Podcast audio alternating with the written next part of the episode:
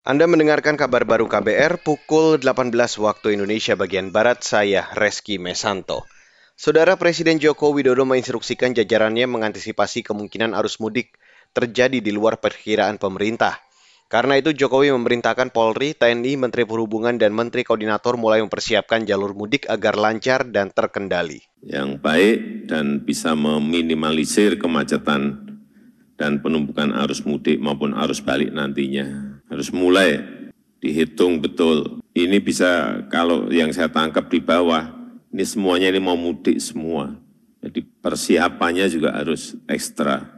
Pada pekan lalu, Presiden Joko Widodo menyebutkan sekira 79 juta orang yang akan mudik pada lebaran tahun ini.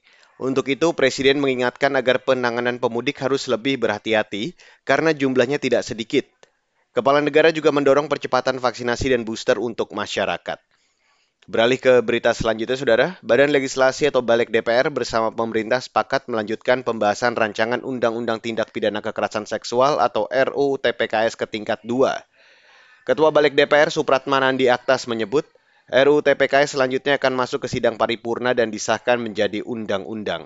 Saya tetap uh, harus menanyakan untuk mendapatkan persetujuan dari uh, seluruh anggota Badan Legislasi bersama dengan pemerintah apakah rancangan undang-undang tentang tindak pidana kekerasan seksual ini bisa kita setujui untuk diteruskan dalam sidang paripurna untuk pembicaraan tingkat dua. Alhamdulillahirrahmanirrahim.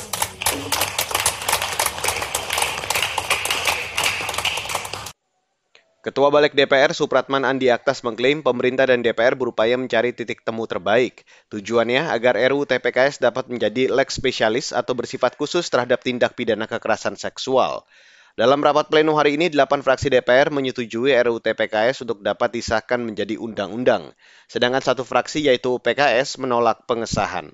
Saudara, Korea Selatan akan menambah ratusan penerbangan internasional setiap minggu mulai Mei mendatang. Saat ini, Korsel terus melonggarkan pembatasan imbas COVID-19 seiring menurunnya gelombang Omikron.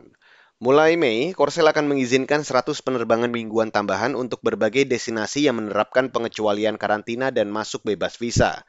Kemudian, Korsel akan kembali menambah 100 lebih penerbangan internasional pada Juni dan 300 penerbangan di Juli.